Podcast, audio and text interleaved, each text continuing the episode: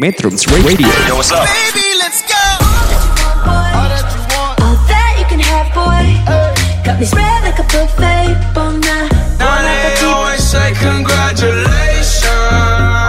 Come and strip that down for me. I'm on my way. Girl, come and strip that down for me.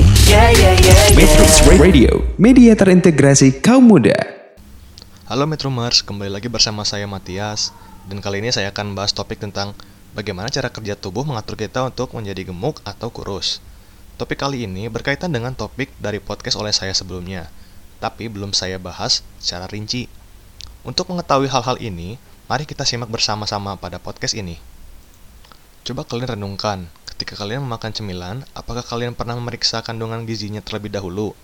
Misalnya seperti kandungan kalorinya, atau langsung dilap aja. Jika kalian ingin mengurangi berat badan atau bahkan ingin menambah berat badan, mungkin ada baiknya jika kalian mulai memperhatikan label gizi pada cemilan yang kalian makan. Ketika membahas mengenai menurunkan berat badan, pasti banyak dari kalian yang langsung berpikir mengenai menghilangkan lemak tubuh. Memang benar, tapi dalam menurunkan berat badan ada faktor-faktor lain yang turut berperan.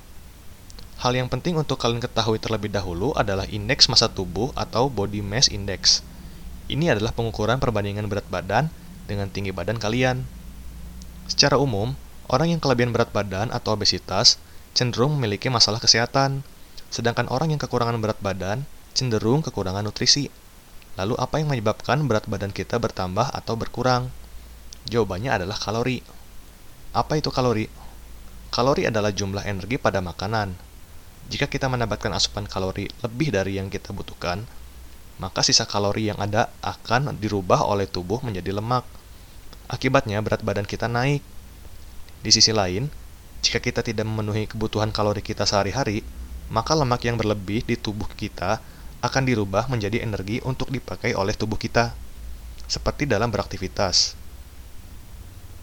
Kebutuhan kalori minimum kita biasanya ditentukan dari perhitungan BMI atau angka metabolisme basal alias basal metabolic rate yaitu jumlah kalori yang terbakar dalam kondisi beristirahat.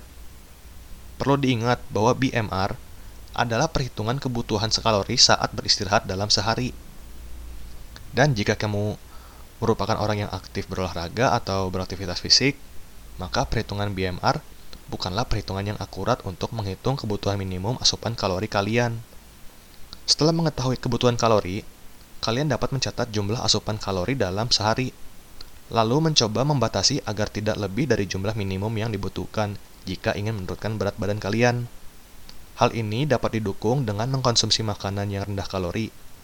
Berbeda dari orang sangka, makanan rendah kalori pun tetap lezat. Selain sayuran dan buah-buahan, kalian pun bisa memilih makanan non-nabati seperti es krim yang rendah kalori. Bagaimana menurut kalian? Diet untuk mengurangi berat badan tidak sesulit seperti kedengarannya bukan?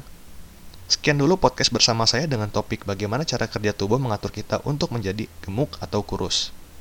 Sekian dulu podcast dari saya, sampai jumpa pada podcast saya berikutnya, dan seperti biasa saya Matias izin untuk pamit. Metrums Radio. Media terintegrasi kaum muda